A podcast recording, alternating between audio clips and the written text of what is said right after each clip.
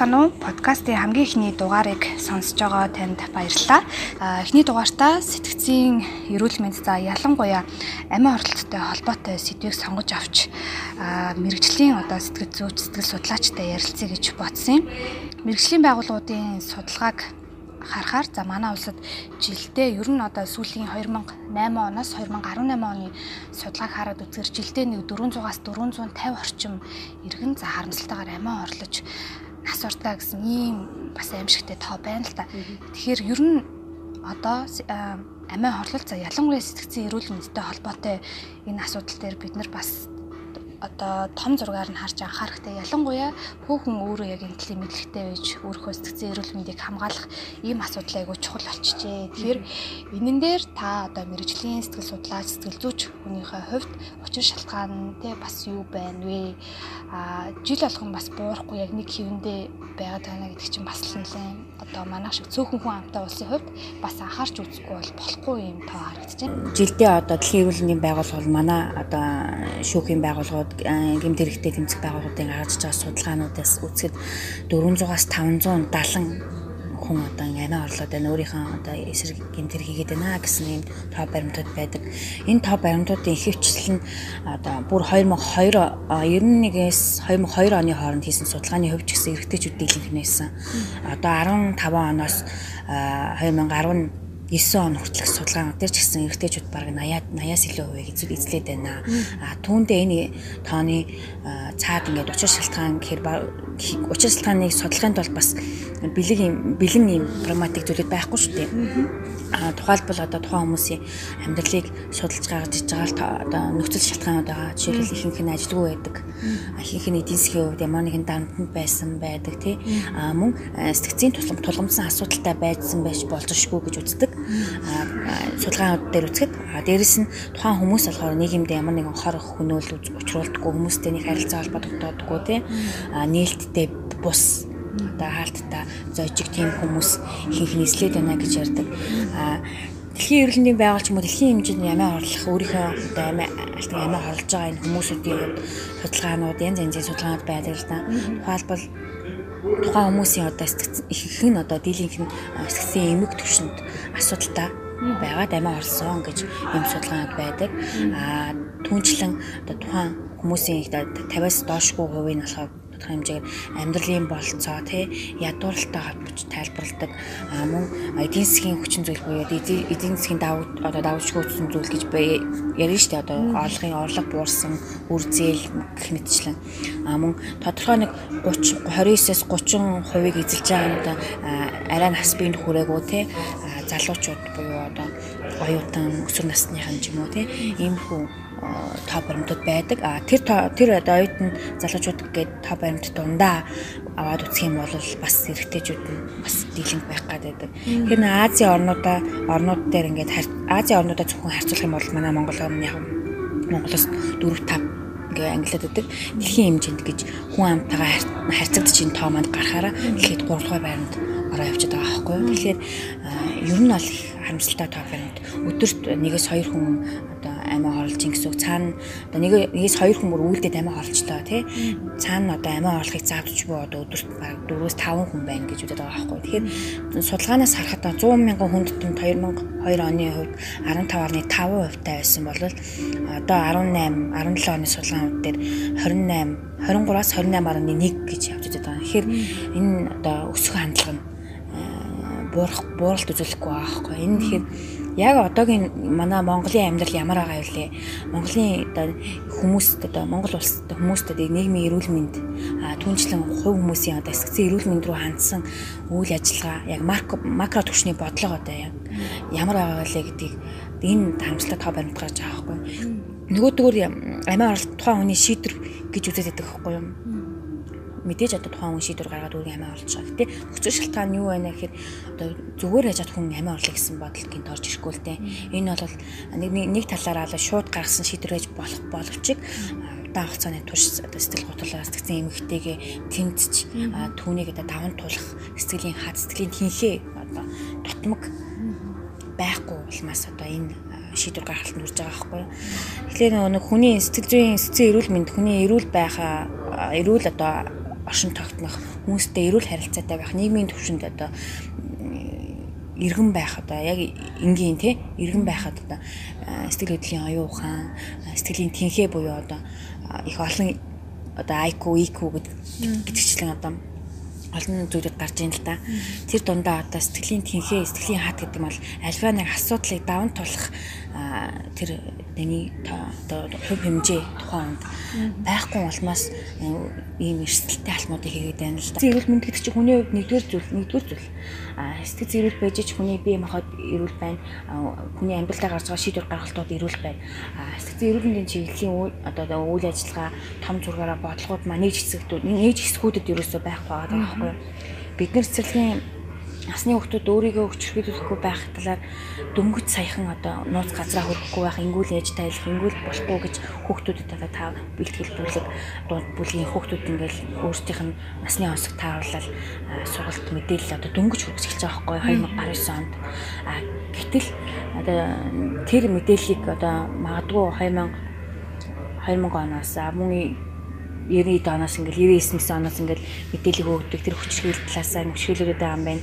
Ингэж болохгүй маань тэгж болохгүй маань гэсэн тэр шат шатанда ерхий боловсролын сургууль тийм ойлголт өгдөг мэдээлэл өгдөг те октыг тэгж ялгуулдаггүй байх хувийн орон зайд нь халтгүй байх хувийн одоо эрүүл мэнд болоод төхөн өчгөн талаас нь хүчрхийлэхгүй байх те. Дээрэс нь бага насны одоо цэцэрлэгийн насны хүүхдүүдэд ч гэсэн одоо хүчрхийлэх гэдэг зүйлийг өөрийнх нь насанд нь тохирсон аргаар одоо ойлгуулах те. Тэр зүйлүүд маань түнж одоо хийгдэж эхэлж байгаа байхгүй юу?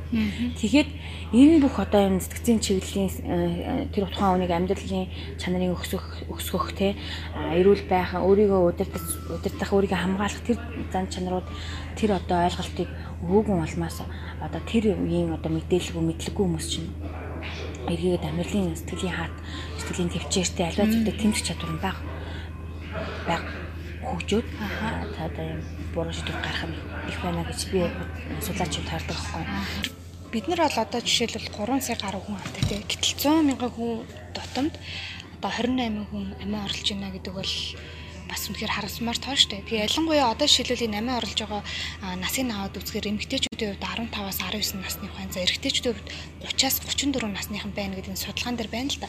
Тэгэхээр голдуу одоо эрэгтэйчүүд бол яг нөгөө нэг эдийн засаг хамгийн маань нуруунд дээр авч явах ёстой. Яг тэр нөгөө нэг насан дээрээ илүү их одоо нэг стресс мэдэрч эсвэл амьдралын одоо нөгөө янз бүрийн дарамтууд нь дийлдэхэ болдог ч юм уу те. Тэрийгэ даахаа болоод ийм шийдвэр гаргаад байна уу гэж нэг талаараа харахад бас хүрэж байна. Тэгээ сүүлийн үед одоо харахад аа залуучууд амиа хорлох оролдлого одоо жишээл одоо яг ингээд амиа хорлох гэдээ ярангууд за надаа хамаатай сэдв биш. Одоо тий яг өөр төр хүн тусгаж авахгүй байж бас болох талтай. Гэтэл эн чинь өөрөө одоо баг багаар явсаар байгаа тий хоримтлагддаг юм юм гэдгийг бас сайн ойлгох хэрэгтэй юм шиг. Одоо жишээлбэл сэтгэл зүйчтэй ярилцж хахад хүн одоо одоо сэлгүүчдэр очиж тэгээ үзүүлж байгаа хүмүүсийн дийлэх нэг сэтгэл готролтой байдаг гэдэг нэг ярьжсэн шүү дээ.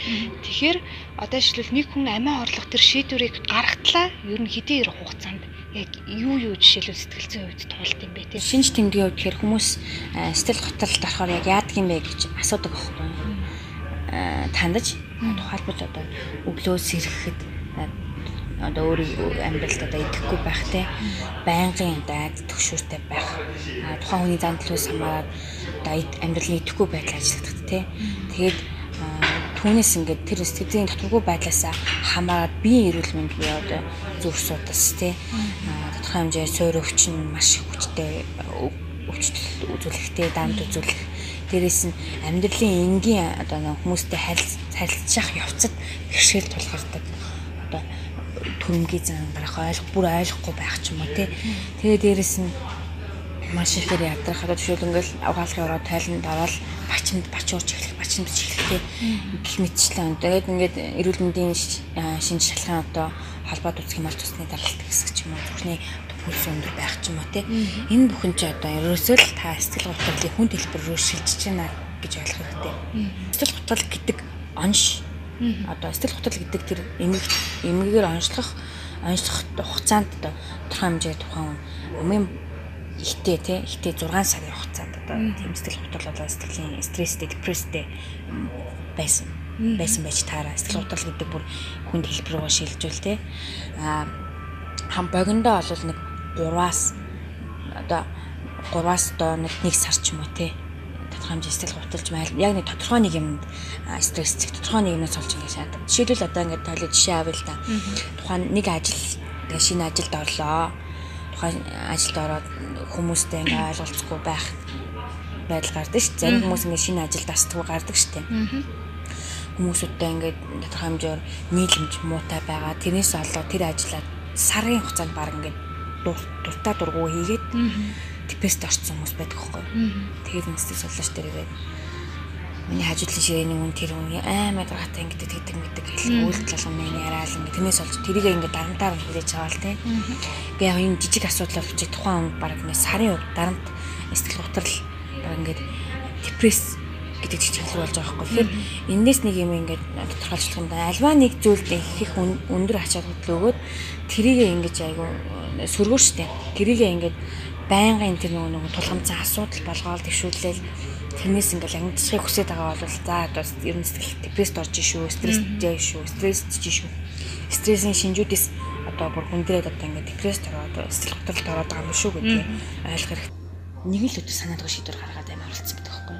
Тэгэхээр тэр шийдвэр маань болохоор яг тухайн үед гинт гарч байгаа юм шийдвэр боловч амар болох гэдэг маань тэр нь шийдвэрийг гаргахад хэр их удаан хугацаанд тэр хүн стресс юм бэ? Депресс стресс гэж хэлж байгаа хүмүүс бодож байгаа. Депресс давтсан юм бэ? Сэтгцэн эмгэг тэр хүнд учирсан юм бэ тий? Аливаа нэг зүйл сандрах аадгах тий аливаа нэг байнгын төвшөртэй айстай байх өөрийгөө үнэлэх үнэлэмж нь буурах өөрийгөө одоо энэ амьдралд хэрэгтэй хэрэггүй юу би эдгэрт зүгээр мөнгө олж харагдах ч юм уу тий нэг янз янзын нэг юм одоо өөр нэг зүгээр асуудал үн сонсоход ээдээ ийм юмнаас болж гимээр тийм шалтгууд байж болох байхгүй. Сэтгэл зүйн зөвлөгөө өөрчлөх талаас бол хувийн хүрээллээсээ зөвлөгөө авах байх нэг зөвлөдгөө л дээ. Яг уу харилцан ярилцаад нэмнийг ойлгох нь чухал боловч өөрийнхөө гимэг ийм асуудал сэтгэл зүйн асуудал ойр орчмоосоо зөвлөгөө авах одоо эргээд тэр хүн бас сүргэн төлөвлөлийг үзүүлэх юм уу те. Эргээд тухайн хүн оргуулсан бодоод тэр хүн одоо миний тэрийг мэдчихэж байгаа да юу гэж бодсон бол ч юм уу те. Өөрийгөө буцаад амтанд оруулах байдал их байдаг учраас яагаад энэ Монгол улсын хэмжээнд сэтгцэн эрүүл мэндийн байгууллага нэг хүн одоо улсын байгууллага ажиллаад байгаа. Тэр нь одоо хүн амдаа тооцвол яагаад хүрэлцээгүй байгаа? Даа яагаад Монгол улс сэтгцэн эрүүл мэндийн чиглэлээр хүмүүсээ ингээд хайрлах байгаа юм бэ те? Тэгвэл одоо шат чатандаа бүр ингээ боловсролын түвшиндээ ч гэсэн сэтгцэн эрүүл мэндийн боловсрол эрүүл мэндийн боловсролтой авсраад байгаа ч бол октод одоо амиа орлох талаар өдөрт 10-аас 20 удаа бодохгүй байх боломж байгаа байхгүй. Үйлдэлцэн нь одоо ийм 400 500 байгаа юм чинь бодож байгаа цаана хэдвэ гэж асуултлах ордлого хийж байгаа нь хэдвэ. А тухайлбал нэг миний бодлоор нэг 4 жил 4 жилийн өмнө шиг санагдаж байна. Өсвөр насны хүүхдүүдийн дунд ийм судалгаа явуулсан байгаа. Тэгэхээр одоо тодорхой хэмжээгээр одоо 10 хүүхдүүдийн баг тал хувь нь тэг 4-5 тал хувь нь энэ амиа олж ирлээр одоо орлого хийгээд үтцсэн. Тий а дойдлыг 10 хүүхэд буюу 100% бүгдээрээ ингээд амиа орлох талаар ингээд бодоод үтцсэн тэрний одоо тал хувь нь оролдоод үтцсэн тий. Тэгээд тэр чигээрээ ер нь амиа орлох гэдэг ойлголт бол нийтдэг. Тэгээ яга амиа орлдог вэ гэхээр одоо тухайн одоо хүүхдүүдийн сэтгцэн эрүүл мэнд те эрүүл мэндийн боловсрол их бага байна. Өөрсдөө асуудал бэрхшээлийг ээж авдаа ярихаас л үтэйгээр найс нөхдөд ярьж гин те. Дээрэс нь сургуулийн түвшинд болоод тухайн хүүхдүүд рүү чиглэсэн нийгмийн эрүүл мэндийн байгууллагын чиглэсэн одоо ингэ сэтгцэн зөвлөгөө үйлчлэгээ хүүхдүүд зориулсан иргэний боловсролын үйл ажиллагаа айгүй дутмаг байна. Маш дутмаг байна. Тэр нь одоо нөгөө нэг өөрийнхөө хувийн асуудал би гоё харж байгаа юу? Би одоо тэгж байгаа бол ингэж байгаа л үгээд нэг юм одоо нөгөө энгийн юм шиг болж тухайн хүүхдэд маш чухал асуудал маш чухал эмзэг асуудал байгаа шүү дээ тэр юм тулгамдсан асуудлуудыг энгийнээр ойлгуулад энгийнээр ингээд өөрсдийнхээ одоо хандлага одоо мэдрэмжүүдийг те зөв байлгах. Дээрэс нь дандаа юм эрэг одоо нөгөө хандлага эрэг ингээ үйлдэлүүдийг хийх талаас нь одоо боловсрол болохгүй байхгүй. Тэгээд түрүүн би нөгөө A AQ гэж ярьсан.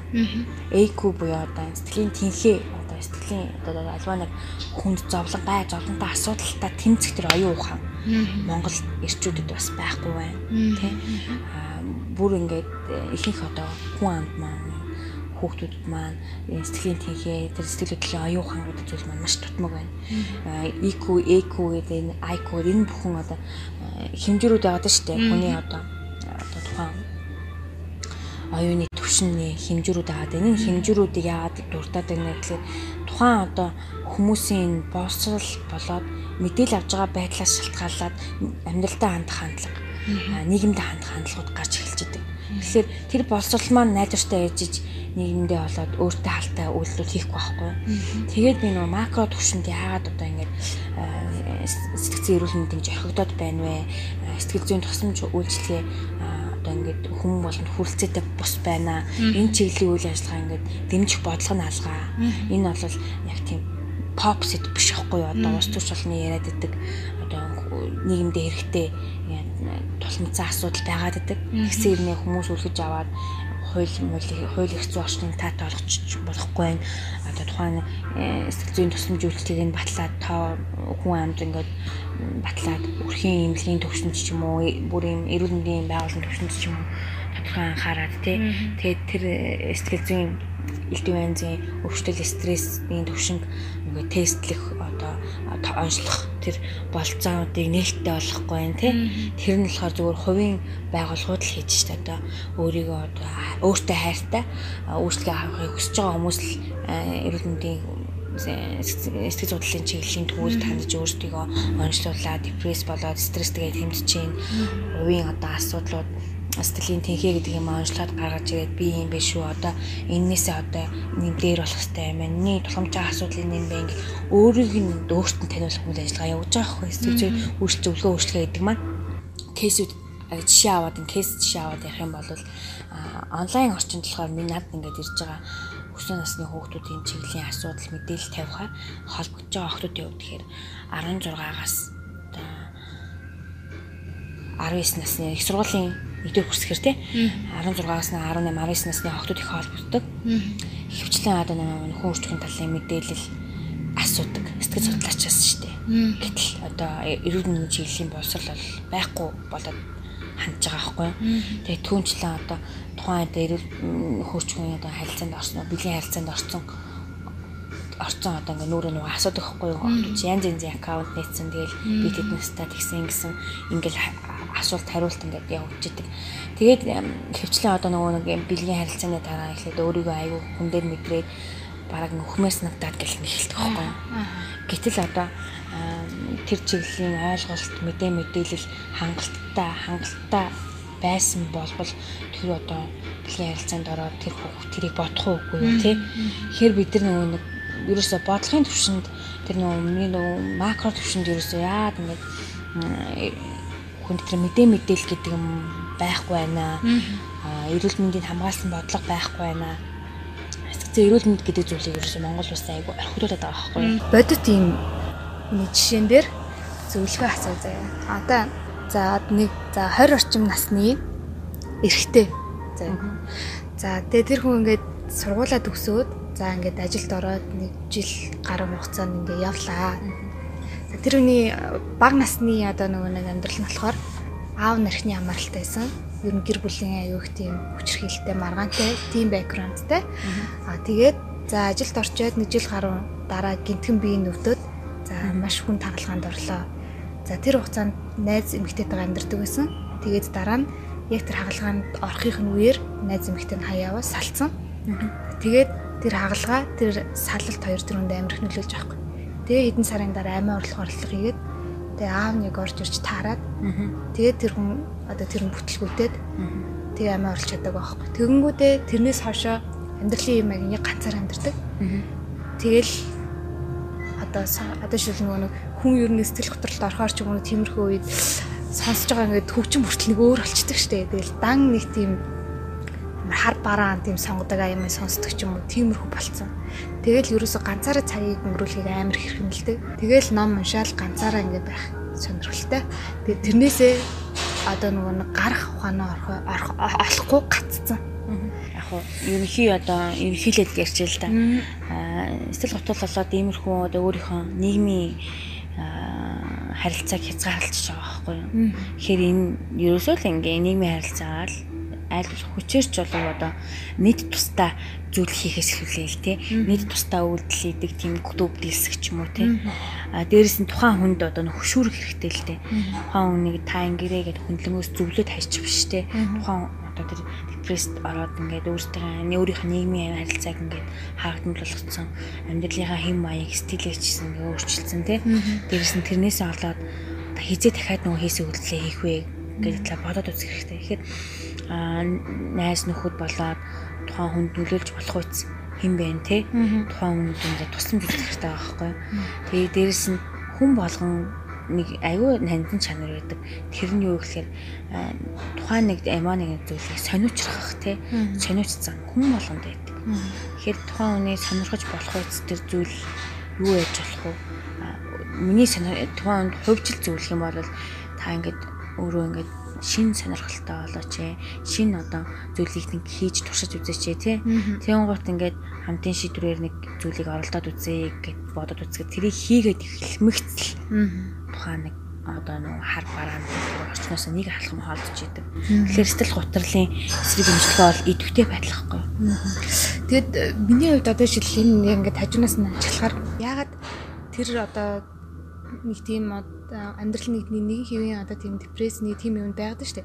Гэтэл тэрнээсээ гарахгүй байгаа шалтгаан нь өөрийгөө тийм дотгошоо хүн гэж төлөв зөвшөөрсөн. Би бол интроверт хүн гэд өөртөө нэг тийм тайг наацсан.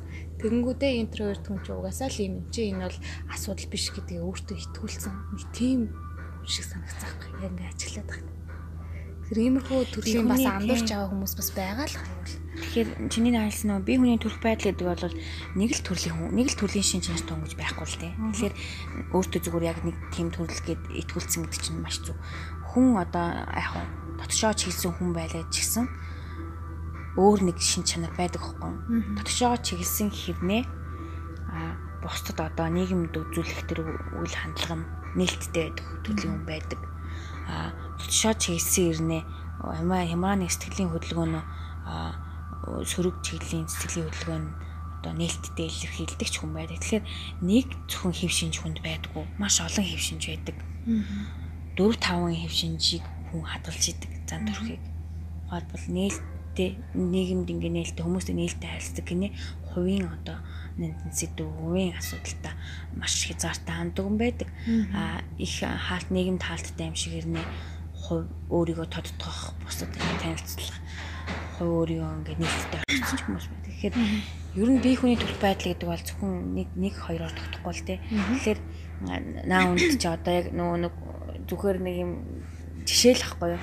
Яг уулзаад ингээд сэтгэл зүйн зөвлөгөө үйлчлэгээ ингээд сэтгэл судлаач нар үзүүлэх юм бол тухайн хүнд ойлгох байхгүй юу. Би хүний төрх байдал гэдэг чинь юм бэ. Та одоо энэ стандартлагдсан тестээр та ингэж гарч ирж байна.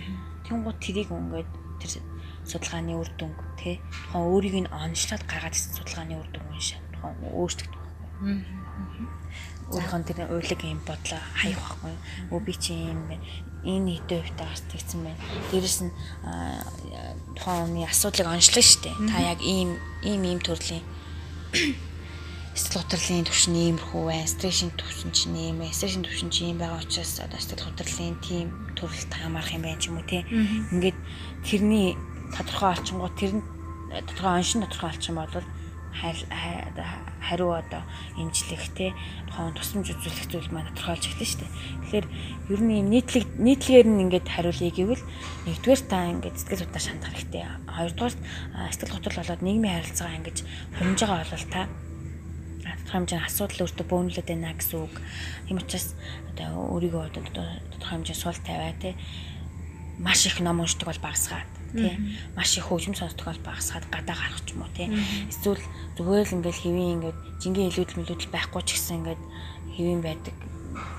Хэвийн ч гэсэн таслах хөдөлгөөн хийх ч юм уу тий. Тэгэхээр нөө сонирхол болоод амьдралын нөгөө нэг одоо үйл ажиллагаагаа арай өөрчлөд үзэх юм бол тэр одоо үйлдэл болоод тэр тухайн зүйлийг хийвэл тэрнээс нэг өөр мэдрэмж авах өөр нэг зүйлийг олж харна тэгэхээр миний дэс тодорхой нэг хөвс хөвшмөл ойлголцол ивдэх хэрэгтэй юм байна л да. За подкастынхаа төгсгөлд хамгийн чухал асуултаа асууя. Одоо хэрвээ яг энэ подкастыг сонсож байгаа хүн маань надад сэтгэл зүйн ч юм уу ямар нэгэн толгомцсон асуудал байна. Тэгээ мэрэгжлийн одоо зөвлөгөө авах шаардлагатай байна гэж үзвэл Монгол одоо яг хаана хаана хандах боломжтой вэ? Ер нь сэтгэл зүйчд хандж байгаа дундаж төлбөрмаар тий хэрэг үн төлбөртэй авч ивэл хэдэн төгрөг байдаг вэ? Тэгээд үн төлбөргүй зөвлөгөө авах одоо бололцоо бид нар ч юу байгаа лээ.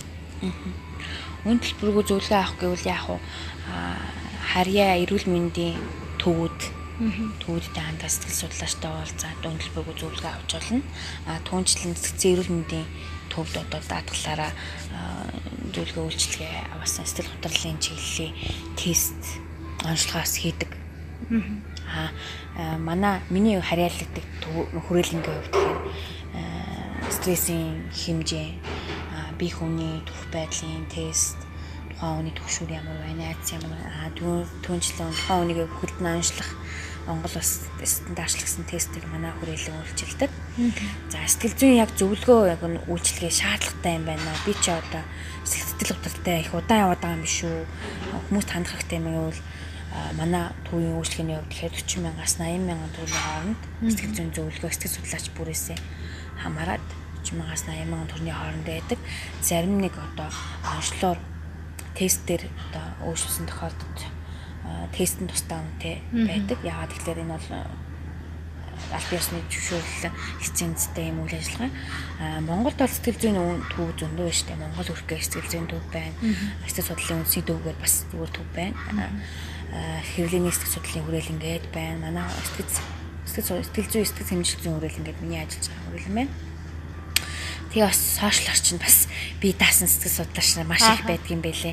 Би бас ингээд тандаад ингээд асууад ингээд үтсэн чинь маш өндөр төлбөр хэлж илээ л те 70 мянгаас 120 мянган төгрөгийн хооронд зөвлөгөөнд байдаг гэд хэлсэн. Гэтэ тэр цагийн цагийн төлбөрүүд даа. Аа гэтэ яах вэ? Манай Монгол улсын төвшин сэтгэл зүйн сэтгэл судлалын чиглэл бас төдийлөн одоо баталгаа чанар ямар вэ гэд би хэлж мэдэхгүй байна л да. Яагаад тэгэхээр манайх чинь яг би даасан салбар хэрнээ бас хөгжиж буй. А гэхдээ тодорхой хэмжээгээр салбартаа хим хэмжээ тогтоог байгаа. Зэрэг одоо хуульчдын холбоо гэчлээ хууль өмгөөлөх хэрэг хууль хууль эрх зүйн чиглэлийн үйл ажиллагаа эрхлэх лиценз ямар нэгэн зүйл олгодог бол бид нар бол маш хэрэгчлээтэй тийм салбарын хүмүүс байгаа байхгүй дуртай өмнө терапи хийлээ сууж идэг. Энэ бас нэг талаараас айгүй буруу юм шиг санагддаг байхгүй.